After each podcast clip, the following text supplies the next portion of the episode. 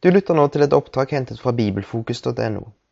Du kan kopiere det fritt i uforandret form til egen bruk eller til venner, men publisering på internett eller annen form for massedistribusjon er ikke tillatt.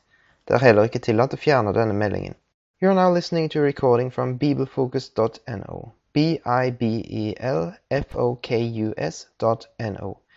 You may copy it freely in unchanged form for your own use or for friends. However, publishing the recording on the internet or any other form of mass distribution is not allowed. Also, this notice may not be removed. Good morning. Morgen. Shall we start with uh, prayer, shall we? Skal vi begynne med å be? Lord, again, we thank you for your word, Igjen, Herre, så takker vi deg for ordet ditt, and we pray your blessing as we read it and think about it this morning. og vi ber om din velsignelse når vi leser det og tenker på det i formiddag. We pray that you'd help us understand it Vi ber om at du hjelper oss å forstå det, and uh, give us ideas of how we can apply it in our current culture and situation. og gi oss ideer om hvordan vi kan anvende det i vår kultur, der vi bor, og vår situasjon. In Jesus' name, amen. I Jesu navn. Amen. I invite you to open your Bibles in Ephesians. Jeg vil be dere om å åpne Biblene i Efeserbrevet. What I'd like to address this morning is the theme of masculinity and femininity. Og det jeg har lyst til å snakke om i formiddag, det er emnet maskulinitet og femininitet. about being a man or being a woman. Og det om å være en mann eller være en kvinne. Now, in Ephesians chapter 5, it says something in verse 23. I Efeserbrevet 5 står det noe i vers 23. Perhaps we could read um, verse 22 to 25. Vi skal lese fra vers 22 til 25. Dere hustruer, underordne dere under deres egne menn som under Herren. For mannen er kvinnens hode, like som også Kristus er menighetens hode, han som er sitt legemes frelser. Men like som menigheten underordnet seg under Kristus, så skal også hustruene underordne seg under sine, e- sine menn i alle ting. Dere menn, elsk deres hustruer, like som også Kristus elsket menigheten og ga seg selv for den. Now, it says here in verse 23 that the husband is the head of the wife. Det står her i vers 23 at mannen er kvinnens hode. Eller ektemannen er kvinnens hode. Now, when you read that, what, what happens inside you? Når du leser det, hva skjer inni deg da? Do you say, oh, hallelujah, fantastic, amen? Så sier du 'Å, halleluja, fantastisk, amen'. now, this is a very popular Bible text in South America. Dette er vår sånn populære bibeltekst i Sør-Amerika. Now, it's a bit of a macho society Det er litt av et macho-samfunn, where men and women are equal, but men are more equal. der menn og kvinner er likestilt, men menn er litt mer mi- likestilte. So they inter- easily interpret, oh, yes, yes, um, the man is the head of the wife. Amen, this is a very good Bible text. Så leser de ja, 'mannen er kvinnens hode'. Ja, amen, dette er en god bibeltekst. But h- how do you feel about that Bible text? Men hvordan føler du når du leser denne bibelteksten? I was talking to a, a friend, a Christian friend from Iraq, Jeg snakket med en kristen venn fra Irak. and he escaped Iraq and is now in Holland. Han eh, flykta fra Irak og er nå i Holland. And he said, In my country, it is first the man, I mitt land sier han, så er det mannen først, then the camel, and then the wife. og så kamelen, og så kona. But here in Holland, he says, it's very different. Men her i Nederland er det helt annerledes. In Holland, it is first the woman, then the dog, and then the man. I Nederland så er det først kvinna, så hunden, og så mannen. No, I- I don't really think that's what happens in Holland, Jeg er ikke helt enig i at det er sånn det er i Holland. even though dogs can be very popular. Selv om hunder kan være også populære. What I think is happening in the West is that men and women are equal, Men det som jeg tror skjer i Vesten, det er at menn og kvinner er like, and that is biblical, og det er bibelsk. but men and women are now interchangeable. Men så blir, de, blir det det som har skjedd, at de kan byttes om med hverandre. That it doesn't matter if you're man or woman, it is interchangeable. Det har ingenting å si om du er mann eller kvinne. And that is the theme I'd like to challenge this morning. Og det er det temaet som jeg har lyst til å utfordre i formiddag. I think it was about th- four years ago, I was invited by a church in Holland, Jeg tror det var ca. fire år siden så ble jeg invitert av en menighet i Nederland. Uh, they were organizing uh, a men's day, a day just for the men in the congregation. De arran- arrangerte en mannsdag, en dag bare for mennene i forsamlingen. And I was asked, can you give a few talks just focusing on the men of the congregation? Og så spurte de kan du kan du heller ha et par bibeltimer som fokuserer kun på mennene i forsamlingen. We have a common problem that men are becoming more passive, Vi har et felles problem med at menn blir mer og mer passive. very busy at work, De er voldsomt travet og opptatt med arbeid. very creative at work, De er voldsomt kreative på, på jobb. but increasingly passive at home and passive in the church. Men de er i stadig større grad passive hjemme og passive i menigheten. Oh, the ladies can pray so much better. Damene kan be så mye bedre. They've got so much more to share, let them do it. De har- De har så mye mer å dele. La de gjøre det. So they're letting and becoming passive. So that was the theme. Så de, de begynte å bli passive, og det var emnet. Does God expect something from a man that he does not expect from a woman? Forventa Gud noe av en mann som han ikke forventa av kvinner? The question was what happens to a man when he, he no longer is clear as to his masculine calling? Hva- Hva skjer, spørsmålet var hva skjer med en mann hvis han ikke lenger har klarhet over sitt maskuline kall? What happens to the family when men stop behaving like men? Hva skjer med familien hvis menn slutter å oppføre seg som menn? What happens to the church when men forget their God appointed role? Hva skjer med menigheten når menn glemmer sin gudgitte rolle? What happens to society when distinguishing men and women becomes politically incorrect? Og hva skjer med samfunnet når det er skiller mellom menn og kvinner blir politisk ukorrekt? The question for that day was what are we in danger of losing? Spørsmålet for den dagen var hva står vi i fare for å miste? Now, the feminist movement began in the last hundred years or so, Fem, den feministiske bevegelsen den eh, begynte for rundt 100 år siden, and many Christians were also involved. og mange kristne har vært involvert i den. God um, created man and women. Gud skapte menn og kvinner. Why should men vote and not women vote? Hvorfor skulle m- bare menn ha stemmerett og ikke kvinner? If a man and a woman are doing the same job, why should the man be paid more? Og hvis en en mann og en- en kvinne gjør samme jobben, hvorfor skulle mannen få bedre betalt? I think they had very real issues to, to, to work at. Og jeg, jeg mener de hadde liksom reelle ting som de, som de jobba mot. to correct a number of uh, injustices which were evident in our society. Og retta på e, et, et antall eh, urettferdigheter som var i, som befa- var i samfunnet. vårt. But many feminists have gone much further, Men mange feminister har gått mye lenger. not aiming anymore for equality, but trying to eliminate the difference between man and woman. Og Ikke bare sikta på, på likestilling mot likestilling og likhet, men, men og prøvde å eliminere forskjellene mellom menn og kvinner. Reducing the masculine feminine to just an accidental physical difference. Og så har de redusert det maskuline og det feminine til bare en, en tilfeldige fysiske forskjell. Just the, the coincidence that women can become pregnant and men not. But apart from that, there's no difference. Den tilfeldigheten at kvinner kan bli gravide og menn kan ikke, men utenom det så er det ingen forskjell. Now, there's a Bible text in Galatians which is frequently cited. Det er en, en, et bibelvers i Galaterbrevet som blir ofte sitert. Galatians chapter 3, Galaterbrevet 3, verse 28. vers 28. Her er ikke jøde eller greker.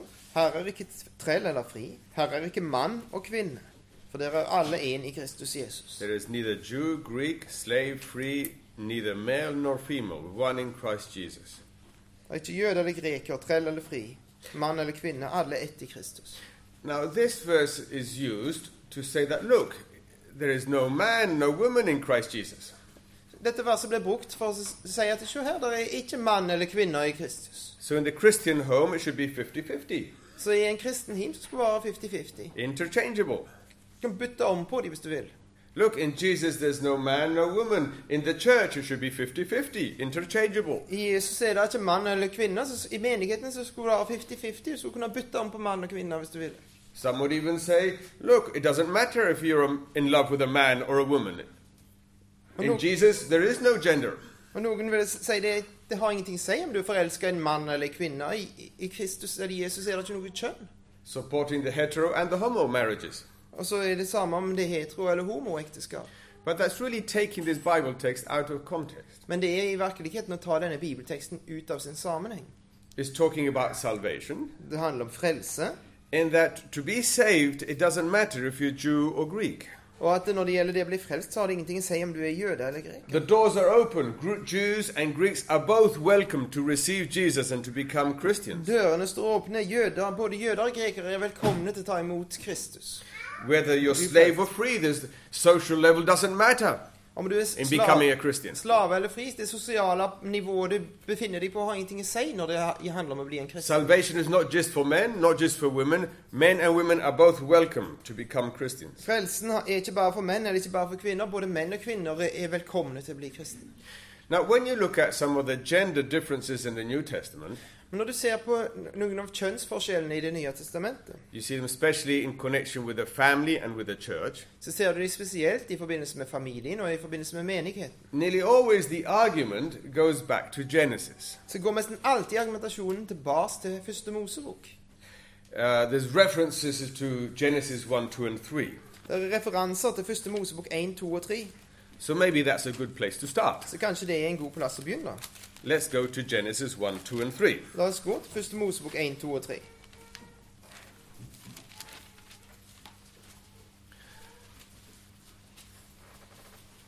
Now, it is clear that the Bible does have cultural things, Men det er helt klart at Bibelen inneholder kulturelle ting.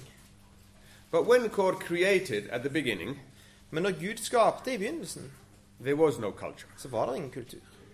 God didn't do things at the beginning to not offend anybody. Gud gjorde ikke ting i begynnelsen for at han ikke skulle fornærme noen. There was no one to offend. For det var ingen han kunne fornærme. So when he started, he had a clean board. He can do thing, He could do things the way he thought best, Så når han begynte, så hadde han blanke ark, og han kunne gjøre det som han syntes var best. and that's what makes Genesis one and two so interesting. Og det er det som gjør første Mosebok 1 og 2 så interessante. And I think that's why the apostles refer back to Genesis one and two. Og jeg tror det er årsaken til at apostlene refererer tilbake til første Mosebok 1 og 2. Let's look at Genesis one verse twenty-seven. La oss se på første Mosebok 1 vers 27. So God created man in his own image. In the image of God, he created him. Male and female, he created them. Og Gud skapte mennesket i sitt bilde. I Guds bilde skapte han det. Til mann og kvinne skapte han det. Now think, that's a choice. Tenk over dette. Dette er et valg. God have, could have made just one gender. Gud kunne ha skapt bare ett kjønn. And at the age of 25, you, uh, you reproduce. Og når du ble 25, så, så reproduserte du deg sjøl. God could have had made three genders or four genders. Gud kunne ha skapt tre kjønn eller fire kjønn. Why not? Hvorfor ikke? I can just imagine the complicating dating websites with three and four different genders. Jeg kan forestille meg de kompliserte datingnettsidene med, med tre eller fire kjønn. Three looking for four, that, those kind of. Um, Tre som ser etter fire. but no, God decided to make two Men Gud bestemte seg for å lage to. male and female. Mann og kvinne. Um, notice that he made the male and female in his image. Legg merke til at han skapte de til mann og kvinne i sitt bilde. Although God is usually referred to in the masculine in Scripture, Selv om at Gud blir vanligvis referert til i maskuline former i, i Bibelen, both masculine and feminine are images of God. så er både det maskuline og det feminine bilder av Gud. Um, none of them are, uh, both of them are, are, are necessary. Begge er nødvendige, Both are valuable. og begge er verdifulle. Let's look at chapter 2, verse 15. La oss se i kapittel 2, vers 15. The Lord God took the man and put him in the garden of Eden to work it and care for it. Og Gud Herren tok mennesket og satte ham i Edens hage til å dyrke og vokte det. Now, in the creation of man and woman, there's something interesting. Når det gjelder skapelsen av menn og kvinner, så er det noe interessant. I can well imagine that when God made the animals, he made cows and bulls and horses all about the same time. Jeg kan forestille meg at når Gud, Gud eh, skapte kuer og, og okser og hester og hopper, så gjorde han, skapte han i noenlunde på samme tidspunktet. Uh, and rabbits and worms and, and insects, all these things. Og ka- kaniner og makker og insekter og alt dette. But when God came to the human project, he made it more complicated. Men når Gud kom til, det, til menneskeprosjektet, så gjorde han det litt mer komplisert. He doesn't make man and woman at the same time, Han skaper ikke mannen og kvinnen samtidig. which would have been a very logical thing to do. Så ville det vært en ganske logisk ting å gjøre. But no, no. he starts with the man project. Men nei, nei, han begynner med mannsprosjektet. He sees there's work, there's a need, there's a task to be done to look after the garden. Han ser at det der er arbeid som gjøres, det er oppgaver å ta seg av hagen. And in answer to that task need, God creates a man. Og i, som svar på denne, dette behovet for, for en oppgave, så, så skaper han mannen. I do find it interesting to see that we men are very task oriented. Og jeg syns det er interessant å se at vi menn er voldsomt oppgaveorienterte. We need projects. Vi trenger prosjekter. We need a, you know, a focus on, on, a, on a job. Vi trenger å fokusere på en jobb. And then later, Og så seinere God sees that it's not good for man to be alone. så ser Gud at det er ikke godt for mannen å være alene. Verse 18, the Lord God said, It's not good for man to be alone. I'll make a helper suitable for him. I Vers 18 det er ikke godt for mennesket å være alene. Jeg vil gjøre ham en medhjelp som er hans like. There was a need for relationship. Det var et behov for, for relasjoner, for et forhold. find it interesting to see that God creates the woman for a different reason, Jeg syns det er interessant å se at Gud skaper kvinnen av en annen grunn. or to answer to a different need, the need for relationship. Eller for å svare på et annet behov, nemlig behovet for relasjon. And I find it so interesting to see how women are so geared towards relationships, Jeg syns det er interessant å se hvordan kvinner er så innretta imot f- relasjoner. focused on relationships. Fokuserte på relasjoner. Now, I'm aware that today many people see that Genesis 1 and 2 is not a reality but a symbolic language. Jeg er klar over at det er mange i dag som ikke ser på første Mosebok 1 og 2 som realiteter, men som eh, symbolsk, symbolspråk. I will leave that discussion for coffee time or lunchtime, whatever you want to talk. Jeg vil eh, la denne dis- diskusjonen vare til kaffetider eller middagstider, hva tid du har lyst til å snakke om det. But whether you think it was physically so or a symbolic language, Men uansett om du s- tror det var fysisk s- sant dette her, eller om det var symbolspråk, The point is, is that man came first, and after a process comes the woman. så er poenget likevel at eh, mannen kom først, og så etter en prosess så kom kvinnen. That God creates man in one way out of the dust, and then creates the woman out of a rib. Og at ma- Gud skaper mannen på en måte ut av støvet, og så skaper han kvinnen ut av et ribbein.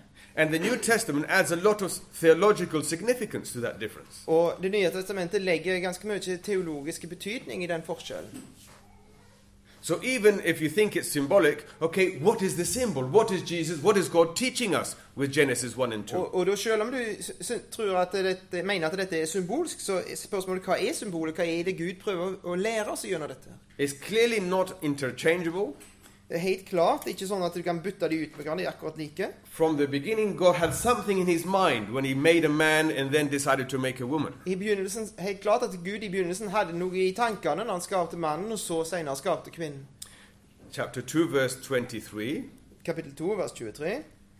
And the man said, This is now bone of my bones, flesh of my flesh, she shall be called woman. Da sa mannen denne gangen er det ben av mine ben og kjøtt av mitt kjøtt. Hun skal kalles manninne eller kvinne.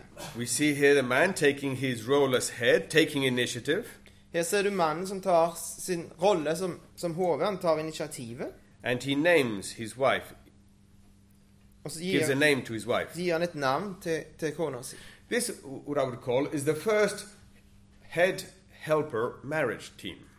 Og jeg vil se- si at dette er det første hodet hjelper ekteskapsteamet. When God created Adam, he gave him a task Når Gud skapte Adam, så gav han ham en oppgave to name the animals and look after the garden, å gi navn til dyrene og se etter hagen, to not eat from the tree. og ikke ete av treet. And then later comes Eve to help him, to complement him, to do these things. Og så senere kommer Eva for, å k- for å utfylle han og for å hjelpe han å gjøre disse tingene.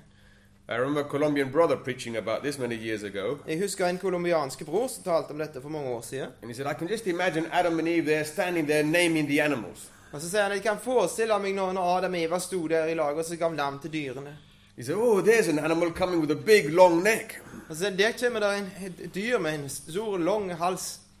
So Eve says to Adam, Hey Adam, I think it looks like a giraffe. Shall we call it giraffe? Og så sier, så dunker Eva Adam i siden og sier «Ah, Hei, Adam, jeg syns det ligner på en sjiraff. Skal vi kalle det sjiraff?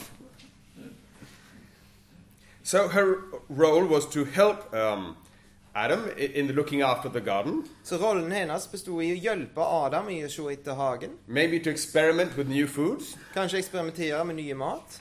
I've discovered an apple or a potato, Jeg har oppdaget et eple eller en potet. and to keep away from the tree of life. Og holde seg vekke ifra livets tre. Kunnskap. Tree of knowledge. The tree of knowledge, sorry. Now, um, what does it mean to be head and to be helper?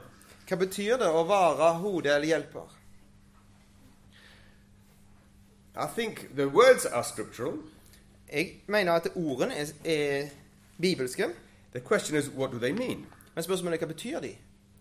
Now, if you have a computer Bible, you can look for the word head, Hvis du har en databibel, så kan du slå opp, eh, søke etter ordet hode, and it comes a number of times in Scripture. og det, du finner det mange ganger i Skriften.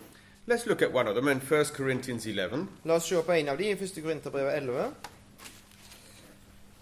1 Corinthians 11, verse 3. 1. Korinterbrev 11, vers 3. Men jeg vil at dere skal vite at Kristus er enhver manns hode, og mannen er kvinnens hode, men Gud er Kristi hode. I want you to realize that the head of man is Christ, the head of the woman is man, the head of Christ is God. Question Who is more important, Jesus or God the Father? Spørsmål Hvem er viktigst? Jesus eller Gud Faderen? The Son or the Father? Who's more important? Hvem, hvem er viktigst? Faderen eller sønnen?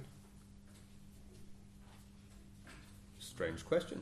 Merkelig spørsmål. The Son is God, the Father is God. Sønnen er Gud, Faderen er Gud. That teaches us something about headship. Og det lærer oss noe om det, det med forholdet med, med å være et hode. The head of Christ is God. Kristi hode er, er, er Gud. Headship has nothing to do with importance. Så det å, å være et hode har ingenting med viktighet å gjøre. My dear brother, if you think that being head is that you're more important, you're, you- you're de- de- deluded. Min kjære bror, hvis du tror det at det å, å være et hode gjør at du er viktigere, så er du, er du ført og vilt. Headship has not to do with importance. For det å være hode har ingenting med viktighet å gjøre. Now, let's go back to Ephesians, something else about head. We can read in Ephesians 5. La oss se noe annet om, om hode i Efeserbrevet 5. We'd read there about um, verse 23 Husband is the head of the wife as Christ is head of the church. I vers 23 For mannen er kvinnens hode, liksom også Kristus er menighetens hode.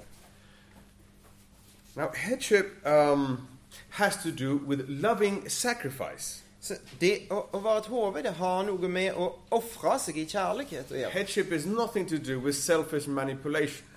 Det å være et hode har ingenting med egoistiske manipulering å gjøre. It is not that I am head, therefore, uh, woman, bring my shoes and bring my cup of coffee. Det er ikke jeg er hode, og, og derfor kvinne hent skoene mine og lag meg en kopp kaffe. Christ is head of the church and he gives his life Men for his church. Kristus er hode for menigheten, og så gir han livet sitt for menigheten. Ephesians 1, verse 22. Efeserbrevet 1, vers 22. And God placed all things under his feet, Je- Christ, and appointed him head over everything for the church. Alt la han under hans, altså Kristi, føtter, og gav ham som hode over alle ting til menigheten. Notice that it says, appointed him head over everything. Legg merke til at han, han det står 'gav ham som hode over alle ting'. Jesus, the Lord Jesus, didn't fight for headship, he was given headship. Jesus Herren, han, han slåss ikke for å bli hode, han ble gitt denne rollen. Being head is not something you fight for. Og det var et hode, det er ikke noe du slåss for. å- I'd even say, dear brother, being head is not something you choose. Og jeg vil òg si, kjære bror, at det, det å være et hode, det er ikke noe du velger. Being head is something God has given you by making you a man. Men det å være et hode, det er noe Gud har gitt deg med å skape deg til mann. Jesus was appointed head. Jesus ble gitt som, legeme, som hode.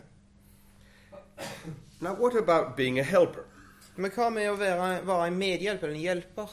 That also has many strange ideas. Og Der er det òg mange merkelige tanker kobla til. A number of times in Scripture, it says that someone says, God is my helper. Flere ganger i Skriften så ser vi at noen sier at Gud er min hjelper. You find expressions like Jehovah, he's the helper of Israel. Det ser, ser uttrykk som at, eh, at Javé er, er Israels hjelp. So some more militant feminists say, look, helper means boss. Så er det noen av de mer militante feministene som sier at hjelper se her, hjelper betyr sjef. God is the helper of Israel and God is the boss. Så Gud er Israels hjelper, så Gud er sjefen. God saw that man needed a boss, so he made a helper, he made a woman. Så Gud så at mannen trengte en sjef, så han, han lagde en hjelper, han lagde kvinnen. Um, the thing is that helper has, sometimes it says that God seeks help. Men det som er, er det er at av og til så står det at Gud søker hjelp. Suppose you have a car accident Anta at du har, har en bilulykke, blir utsatt for en bilulykke. and you're laying uh, injured, unconscious on the road. Og så ligger du bevisstløs og skada på, på, med, i veikanten. Comes an ambulance with a doctor, Så kommer det en ambulanse med en lege om bord, and the doctor comes to help you. og, og legen kommer for å hjelpe deg. Who is more important, you or the doctor? Hvem er viktigst, du eller, eller legen? He's help or she or the doctor, she's helping you. Han eller hun, doktoren, hun hjelper deg. You see, the word help doesn't mean more important or less important. Så du ser at ordet hjelp betyr heller ikke mer viktig eller mindre viktig. Being a helper does not imply status or importance. Det var en hjelper har ingenting med status eller viktighet å gjøre. The word help appears a number of times in the New Testament in the Gospels. Ordet hjelp eller hjelper eh, befinnes, finner man flere ganger i, i, i Det nye testamentet, i evangeliene. A woman comes to Jesus with a demon possessed uh, daughter, En kvinne kommer til Jesus med en demonbesatte datter, and he, she asks Jesus, Help me. og så ber hun Jesus 'hjelp meg'.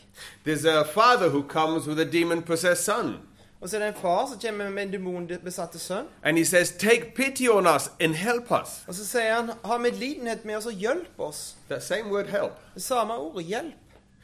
Paul has a vision, Paul, Paulus har et, får et and syn. he sees a man from Macedonia saying, Come over and help us. Så ser han en mann fra Makedonia som sier 'kom, kom over og, og hjelp oss'. Jesus had something these the woman the, uh, needed, Jesus hadde noe som denne kvinnen trengte, and that's why she asked for help. og det var derfor hun ba om hjelp. The Macedonian man or Paul had something the Macedonian man needed, Og Paulus hadde noe som den makedonske mannen trengte, so that's why he says, "Come over and help." og det er derfor han sier 'kom over og hjelp'. So help has to do with supplying a genuine need. Så hjelp, det har med å, s- å, å ta seg av et, et genuint behov. It's not like the big German manager. Det er ikke som med den store tyske sjefen.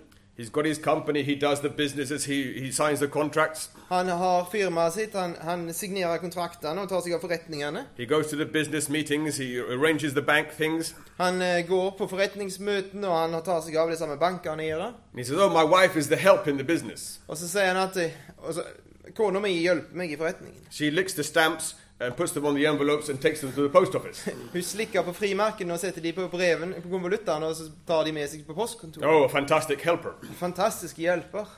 That's not the biblical image of help. Det er ikke det bibelske bildet på hjelp. The helper is supplying something the other person can't do. Hjelperen s- eh, sørger for noe så, som den andre personen ikke kan gjøre. Jesus is is freeing the daughter and the son of these people because they couldn't do it themselves. Jesus befrir denne datter og denne sønnen til disse folket for at de kunne ikke gjøre det sjøl. So when God says he makes a woman to be Adam's helper, Så når, når Gud sier at han, han gjør kvinnen til, til Adams hjelper, I hope we're getting a bit of the the, the, the, the taste of what is meant by being a helper. så håper jeg vi vi kjenner litt av smaken på hva det betyr å være en hjelper, medhjelp. There's a, a Bible, Bible text, in, perhaps you could look at it, in Isaiah 25. Det er en, en verdifull bibeltekst i, i Isaiah 25. Isaiah 25, verse 4. Isaiah 25, vers 4. It says here, You have been a refuge for the poor, For du har vært et vern for den hjelpeløse.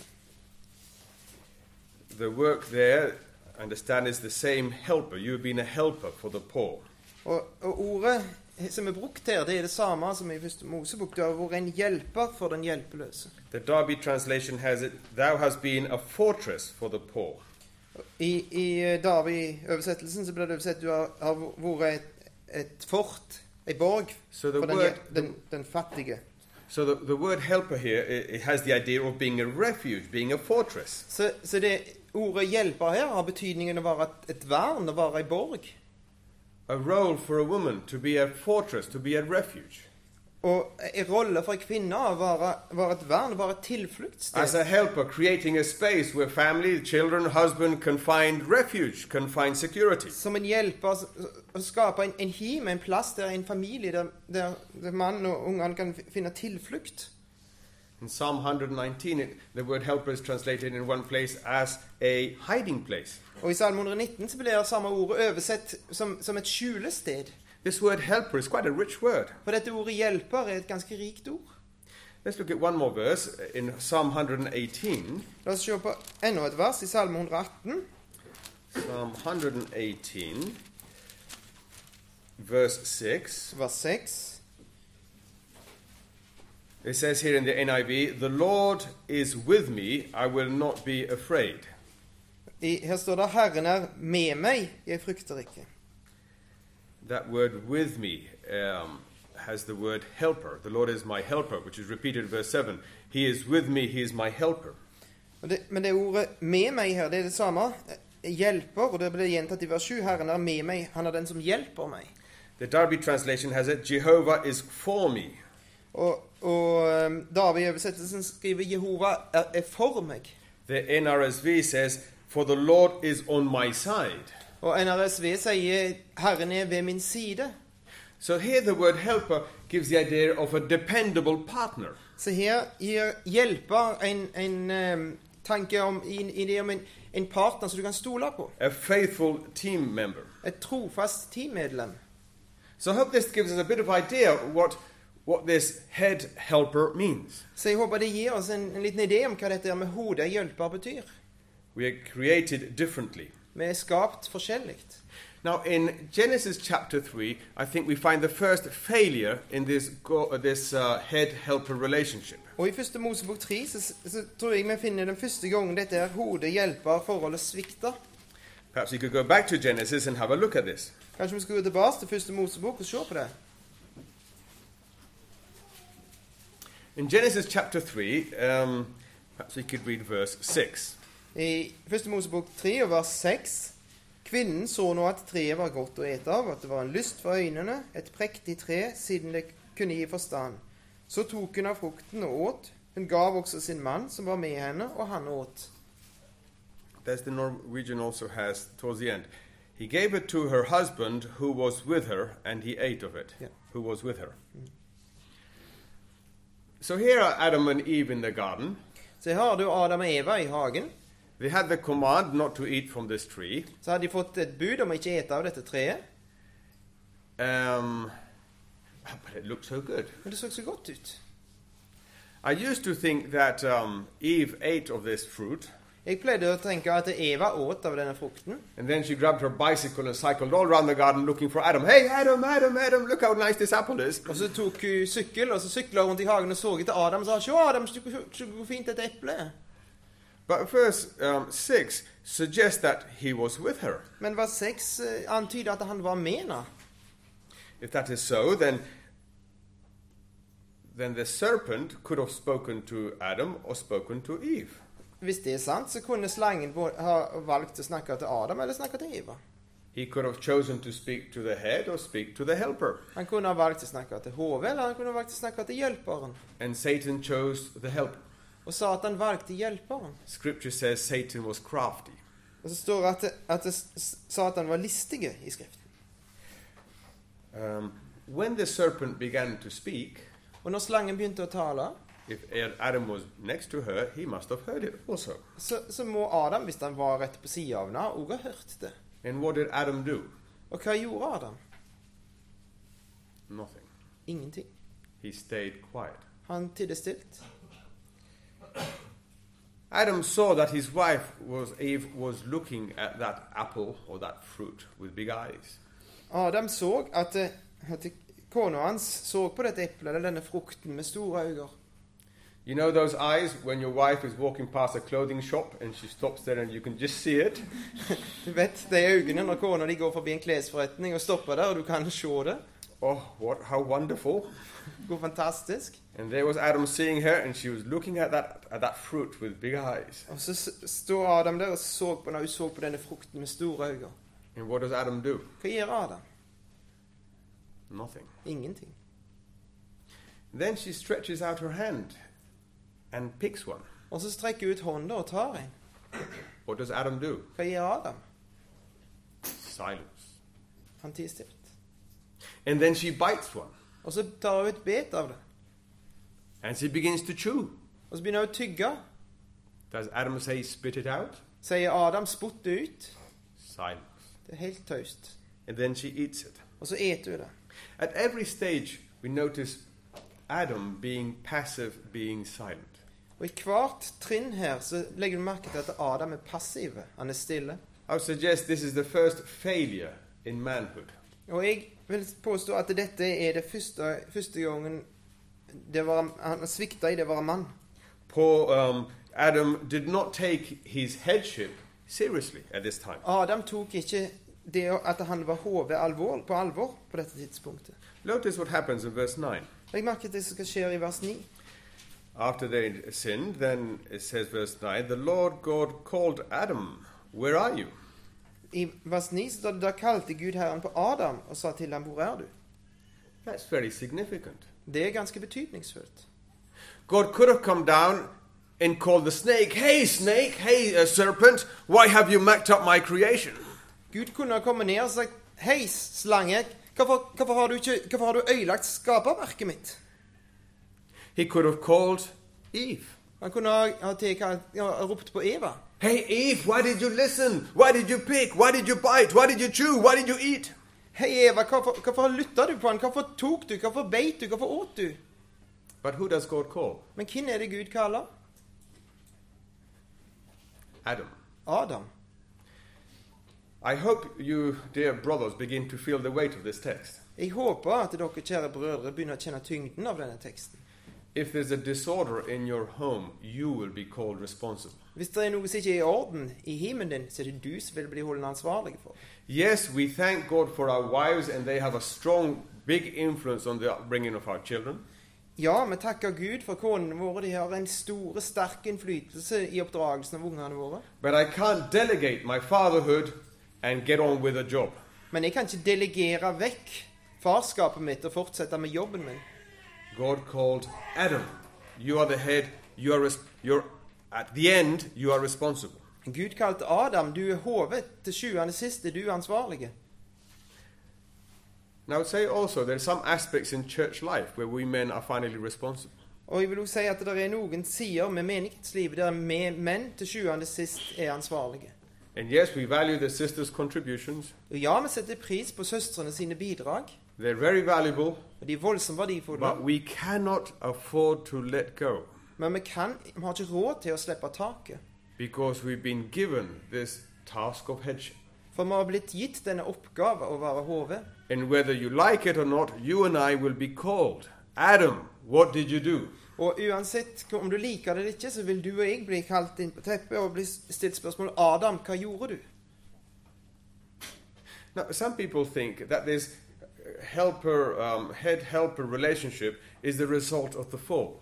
Men noen tenker at dette er forholdet mellom hodet og hjelper er et resultat av syndefallet. And since Christ restores the fall, then we don't need that anymore. Og siden Kristus gjenoppretter fallet, så, så trenger vi ikke det lenger. But I hope you've noticed that we haven't come, that, this, that chapters 1 and 2 come before chapter 3. Men jeg håper du har lagt merke til at kapittel 1 og 2 kommer før kapittel 3. The head helper model comes before the fall. At hodet og hjelpermodellen kommer før fallet.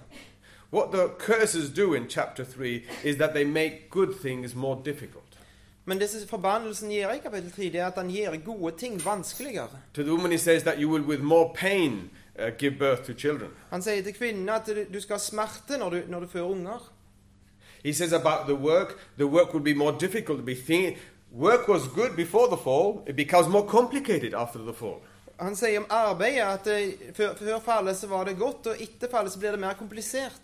And also that head helper relationships gets corrupted after the fall. Og òg dette hode-hjelper-forholdet blir, blir ødelagt etter fallet. If you look, where is it now? Verse, um, ver- chapter 3, verse 16. I kapittel 3, vers 16,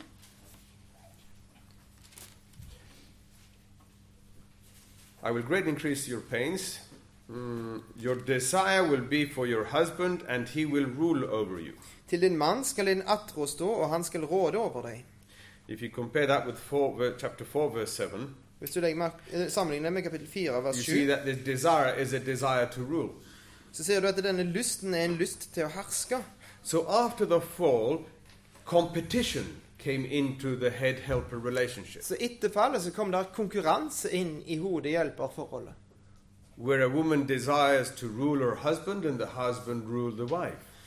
Der, der, k- kvinn- der, der kona har et, et begjær etter å herske over mannen, og mannen hersker over kona. So, yes, in Christ, a Christian marriage restores that, that mistake.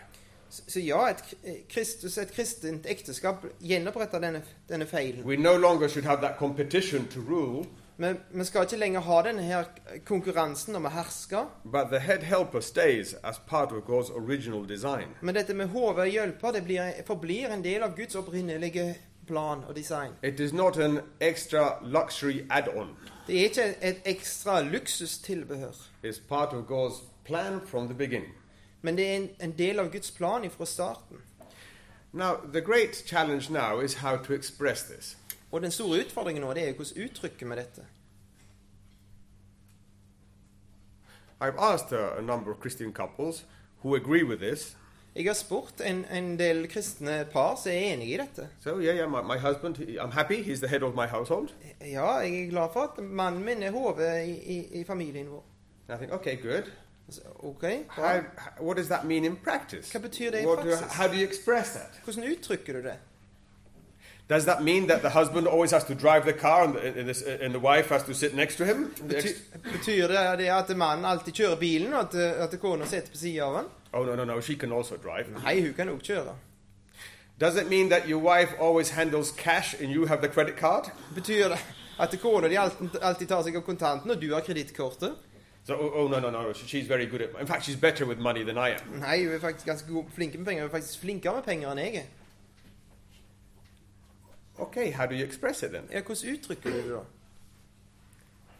And it's not so simple as it sounds, Og det er ikke så enkelt som det høres ut. but it does become quite evident when the lady has the pants at home. Men det blir ganske eh, Ganske synlig når, når kona er hun som har buksene på, som de sier hjemme. The children know it that mum is the boss, For ungene vet at det er mamma som er sjefen. and it's un- unhealthy. Og det er usunt. So the challenge I find is then, okay, I see the biblical principle, but then how can I apply it in my home? Så utfordringen blir ja, jeg ser det bibelske prinsippet, men hvordan kan jeg anvende dette hjemme? I was thinking about our own home. How, how, how do we? We haven't really thought much about it, really. Jeg tenkte på vår egen familie. Vi har ikke tenkt så mye over dette. How, how do we work it out? Hvordan, hvordan s- forst- prøver vi å forstå dette her i praksis? There are a number of details I notice. Det er en del detaljer som jeg har lagt merke til. For example, when we sit down to pray to thank for the meal, F.eks. når vi setter oss ned for å be og takke for måltidet. of course my children can pray, my wife can pray, we can all pray. Selvsagt kan ungene mine be, kona mi kan, kona mi kan be, alle, alle kan be. But I notice that when I'm present, they all wait for me to take the initiative. Men jeg har lagt merke til at når jeg er til stede, så venter de alle på meg for at jeg skal ta, ta initiativet. It's not that it's wicked if my wife prays, but they they just waits. And then sometimes I ask, would you like to pray? Would you like to pray? Så, og det er, ikke, det er ikke det at det, det vil være ondt av kona mi å, å be, men hun venter. og Av og til så ber jeg, spør jeg vil du be, eller vil du be? I- In your home, um, on a Sunday to go to the meeting, is the wife the one who has to try to pull everyone together to get them in the car in time? Nå, Søndag hiver ikke dere. Når dere skal på møte, er det kona di som må prøve å altså, rope alle sammen, og så får de i bilen at ja, kommer, kommer dere av gårde? And at the last minute, the, hu- the husband is just doing his Facebook or reading his newspaper. The last minute, he jumps into the Og car. I siste minutt, så, er det- mens mannen s- eh, gjør det siste med, med Facebook eller aviser, og så hopper han inn i bilen. Or could we men take more initiative, being hey, hey, let's uh, let's uh, get the troops together? Eller kun- kunne vi menn tatt mer initiativ og s- si med HV og, og, og samla troppene? Up to now, what I've said, I've tried to explain what I find in Scripture, Inntil nå så har jeg prøvd å forklare det som jeg s- finner i Skriften. and I see clearly that man and woman are created different Og jeg ser klart og tydelig at menn og kvinner er skapt forskjellige. from the beginning. God had something in His mind, and that's why He chose to make them different. Ifra begynnelsen så hadde Gud noe i tankene sine, og derfor så bestemte han seg for å skape de forskjellige. And when God created, He said it was good, so it's something positive here. Og når Gud skapte, så sa han at det var godt, så det er noe positivt her. This head helper issue is not an, a curse, it is definitely something positive. Og dette med HV hjelper er ikke en forbannelse, det er helt, helt klart noe positivt. And the great challenge now is how can we give that expression today? Og sp- utfordringen er hvordan kan vi uttrykke dette i dag? Expression in a home. Jeg- jeg Gi det uttrykk i- hjemme, Now say also expression in a local church. men òg i den lokale forsamlingen. I have here now, I will follow with some suggestions. Og jeg har her nå i- noen forslag. So they are my suggestions. Det er mine forslag. I need to make a difference between scripture and my Og suggestions. jeg må skille mellom Skriften og mine forslag. So you can disagree me, with me on suggestions or improve, and I'm very happy to hear for improvements. Og dere kan være uenige i mine forslag, eller forbedre det. Jeg var som- blir som glad hvis jeg får høre noen forbedringer. How can we men express being head? Hvordan kan vi menn uttrykke det at vi er hodet? I have three tips. Jeg har tre tips. The first one is learn to take the initiative. Det første er lær å ta initiativ. Don't be passive. Ikke vær passive. When there's a time for sharing, don't wait for all the sisters to do it first and then I might do something. Og når dere er frie vitnesbyrd, så ikke vent på at alle søstrene skal gjøre det, og så kanskje skal jeg reise meg opp. The contribution from the sisters is very welcome, but man, you're a man, take initiative. Bidraget fra søstrene er voldsomt velkomment, men du er en mann, ta initiativ. Take final responsibility that necessary things happen at the right time. Og ta, ta initiativ at de nødvendige tingene skjer på det rette øye- tidspunktet. The second tip Og det andre tipset is men seek to guide. er dere menn prøv, søk og prøv å lede. Not only that we initiate, but that we feel responsible to make sure things move in the right direction. Ikke det at vi bare tar initiativet, men at vi føler ansvar for å sørge for at ting går i den rette retning. That we stay on track. At vi holder oss på sporet. Sometimes as a family you can discuss, you know, how we're going to go forward, and then hey, it helped that things will actually work. Nå, så, av og til så er det sånn at som familie så diskuterer du hvordan ting skal gå videre. og så Hjelp til at det går rette veien, at det funker. Of course, we need the help of our wives, Selvsagt trenger vi hjelp fra konene våre. and it's not just licking stamps. We've said that Og det er ikke bare det å slikke på frimerker, vi har sagt det. they can contribute something that we can't, De kan bidra med noe som vi ikke kan, but we can take that headship in in, in guiding the process, men vi kan ta ansvar som HV og så, og så lede den prosessen. in motivating, inspiring the family, Og motivere og inspirere familien. providing a consistent example so that others can follow. Og sørge for et, et eh, konsistent eksempel som andre kan følge etter. To identify deviations and incorrect things and try to lovingly correct things. Og identifisere avvik og, og i, på en kjærlig måte rette på dem. It's too easy to let the wife do all the correcting and I'm busy with my job. Det er altfor enkelt å la, la kona ta seg av alt korri- korrigeringer, og så er, for jeg er opptatt, jeg er travelt opptatt med jobben min. Be a man. Vær en mann. Be a Christian man. Vær en kristen mann. And take your responsibility at your home too. Og ta ansvar hjemme òg. And thirdly, my third tip is to represent. Og det tredje tipset mitt er å representere. To, to, to feel responsible for the collective well being of, your, of those under you. Føl deg ansvarlig for det kollektive velværet til de som er under deg. And that involves the responsibility to provide. Og det in- involverer ansvaret for, s- for forsørgelse. Look, some have the idea that men should work and earn money and, uh, uh, and, uh, and the wives should stay at home. Noen hadde tanken at menn skulle arbeide og tjene penger, og kvinnen skulle være hjemme. I think in many societies that is not realistic. Jeg tror det at i mange samfunn så er ikke det realistisk. When it is possible and you have young children, I strongly recommend it. Når det er mulig, og du har, unge, så har små unger, så, så vil jeg sterkt anbefale det. Your investment in your children is definitely a worthwhile investment. Din investering i ungene dine er, er definitivt en verdifull investering.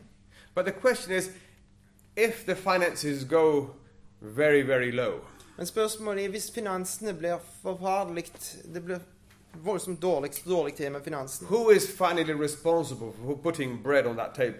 Hvem som er, hvem er da til sjuende og sist ansvarlige for å s- å sørge for at det er brød på bordet? And I think there, where we men, being heads, we finally need to be responsible that things happen. Og det tror jeg at det, På grunn av at vi menn er hodet, så er det vi som er til sjuende og sist ansvarlige for at det skjer. Perhaps a number of you sisters are saying amen. Kanskje noen av dere søstrene sier amen?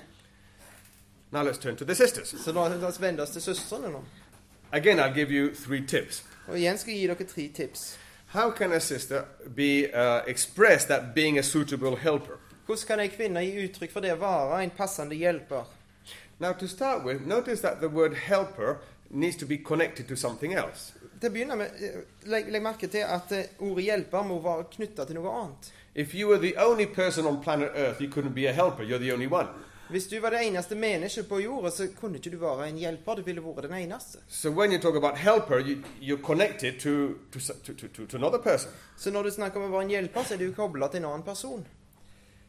So it needs to be uh, defined in the context um, of the man. Så det må bli definert i, i forholdet til mann. I would say when the husband initiates, Jeg vil si at når mannen tar initiativet, and helper can support that initiative, og så kan hjelperen støtte dette initiativet can encourage that initiative. og oppmuntre i det initiativet. I remember years ago when we were starting a new uh, church in Cartago, Jeg husker for mange år siden da vi starta en ny menighet i Kartago, it really began with two ladies who were very, very active ladies. så begynte det i, i praksis med to damer som var voldsomt aktive damer. One of them ran a restaurant and the other one had a business selling things. Den ene drev en restaurant, og den andre hadde en, en forretning og solgte ting. And these two sisters had became Christians, had lots of questions, and they got a lot of people together in their house, and that's how an assembly a church began. Og Disse to kvinnene de ble kristne og hadde alle slags spørsmål, og så samla folk i huset sitt, og så begynte menigheten. But the husband of the one who's a business lady, her husband is very passive. Men mannen til hun ene av huset var forretningsdame. Han var voldsomt passiv. You know, he drives a taxi when he wakes up, Han kjører taxi når han står opp, and he can, you know, he's just um, super passive. Han er s- Superpassiv. So when we were discussing once these, these kind of texts with her, Og når vi s- snakket om disse tekstene med henne, she says, "I can't be, you know, I, I have to be head in my house. så sier jeg, men jeg må være hodet i himmelen min. Uh, That's the only way things happen." Det er den eneste måten å få ting til å skje på. You know, he's so slow and passive. Yeah, I feed him, but you know, I, I just have to get on with life. Han er så passiv. Jeg jeg gir han mat, men så jeg må fortsette med livet. Now, she was the Christian and he was the non Christian. Ha- Hun var den kristne, og han var ikke kristen. Um, so we talked about, yeah, but when, when you're married to someone who's very energetic and very creative, Og så snakket vi om det at når du er gift med noen som er voldsomt eh, energifulle og kreative, it is very easy to become passive. så er det voldsomt lett å bli passive. Try to encourage, whenever you see him taking a small initiative, support him and uh, encourage him. Men k- s- hver gang du ser han tar et lite initiativ, så støtter han og oppmuntrer han. This being head in practice requires training, requires development. For det å være HV i praksis, det, det krever trening, det krever, kre- krever erfaring. It was a bank Okay. holiday Monday, Det var en, en eh, måndag som var and it's fridag, quite common for Colombian families to go to the river. They walk up the river and spend a day in the river.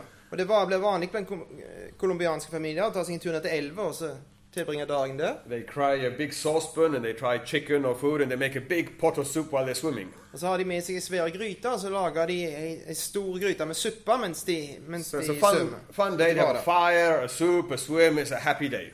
Og så er det et leirbål og suppe og en, en svømmetur. Det er en lykkelig dag. So much to her surprise, a week or so before, he said, "Hey, shall we have a, shall we go to the river this uh, with our children this uh, Monday?"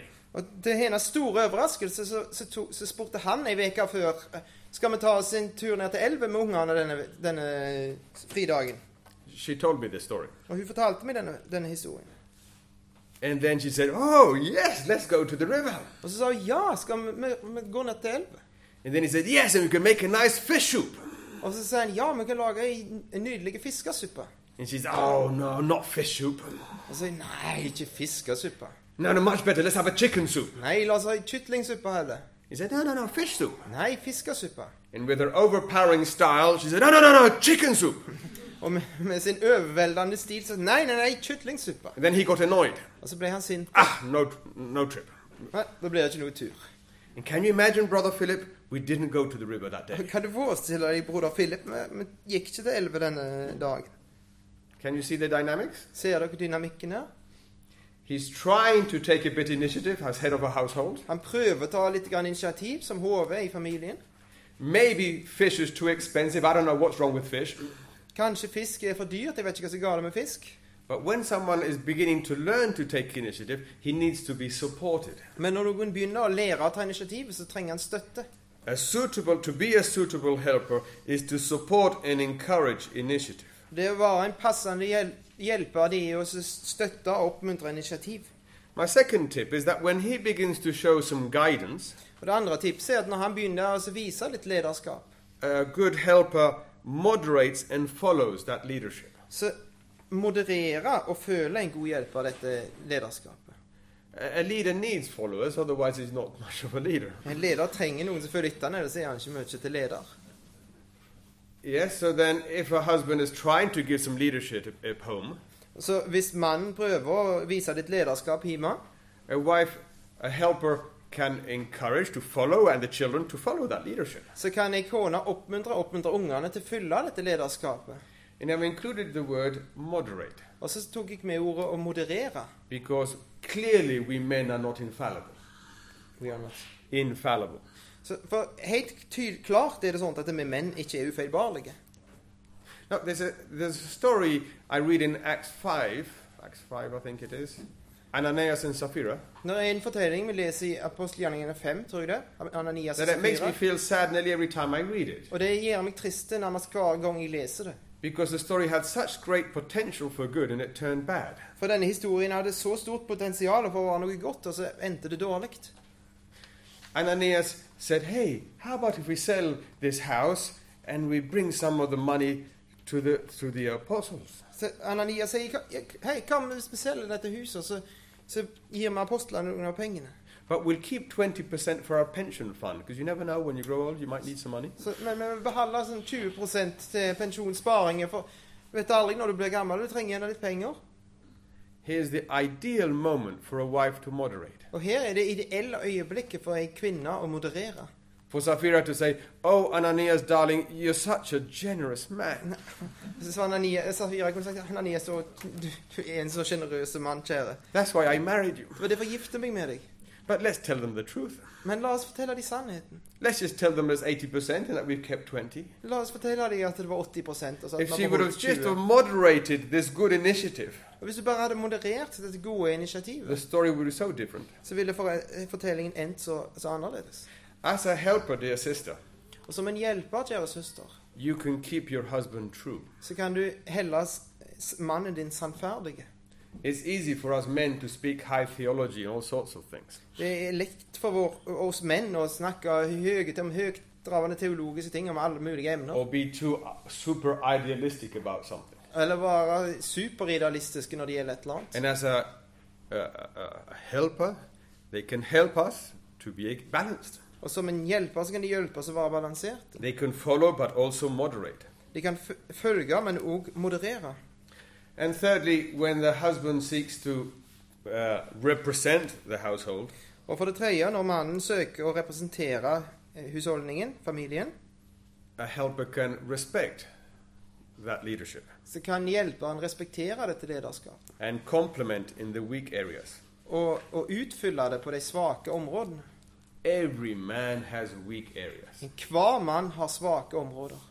That's why he who finds a wife finds something good that complements those we- those weak areas. Og Derfor så er det sånn at den som finner ei hustru, han finner noe godt for det utfyller de svake områdene. Time to finish. Er det på tide å avslutte? Conclusion. Konklusjon. I hope it has become relatively clear that God designed men and women differently. Jeg håper det er blitt relativt klart at Gud eh, de- designer menn og kvinner forskjellig. And not just biologically, but he had something something else in mind, something bigger, I- Ikke bare biologisk, men han hadde noe annet i tankene, noe større enn det. bigger than a, a man horse and a f- female horse. Større enn en, en mannlig og en kvinnelig hest. And that that difference, and there's a mystery there, Og i denne forskjellen her er det en hemmelighet. is good. Den er god. And when we skip it, we miss something good. Og når vi hopper over dette, så, så misser vi noe, går vi glipp av noe godt. And the closer we can get to practicing it, we'll reap the blessings of doing something good. Og det nærmere vi kommer å praktisere dette, til mer, i større, til mer vil, vi, vil vi nyte velsignelsen av å, å høste velsignelsen. And av it å gjøre might det involve, for gode. some men, pushing themselves more than they feel comfortable with. Og det kan bety for noen menn å presse seg mer enn de syns det er komfortabelt. And it might involve, for some women, slowing, them, slowing, them, slowing themselves down more than they would normally do. Og det kan bety for noen kvinner å bremse seg sjøl ned enn de normalt ville gjort. But when you do so in obedience to the Lord, you receive a blessing. Men når du gjør det i lydighet mot ordet, så mottar du en velsignelse. And finally, a challenge for each one of us to live this out in an attractive way. Og til slutt en utfordring til oss alle å leve dette ut på en attraktiv måte. I hope this hasn't come over as a legalism. Jeg håper at dette ikke eh, har, ankommer til dere som, som loviskhet, That's not the idea. for det er ikke tanken. But if we can find ways to express this in an attractive way, Men hvis vi kan finne måter å uttrykke dette på en attraktiv måte på, it will be a blessing for yourselves, for your children, for your local church. så vil det være en velsignelse for dere sjøl og for familien, for ungene deres og for den lokale menigheten.